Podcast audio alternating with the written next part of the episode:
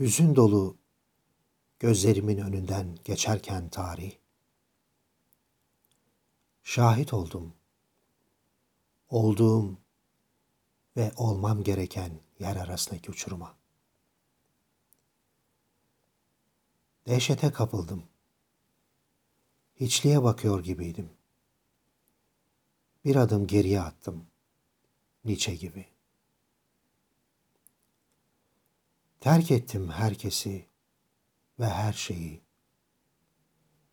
Mağarama sığındım Muhammed gibi.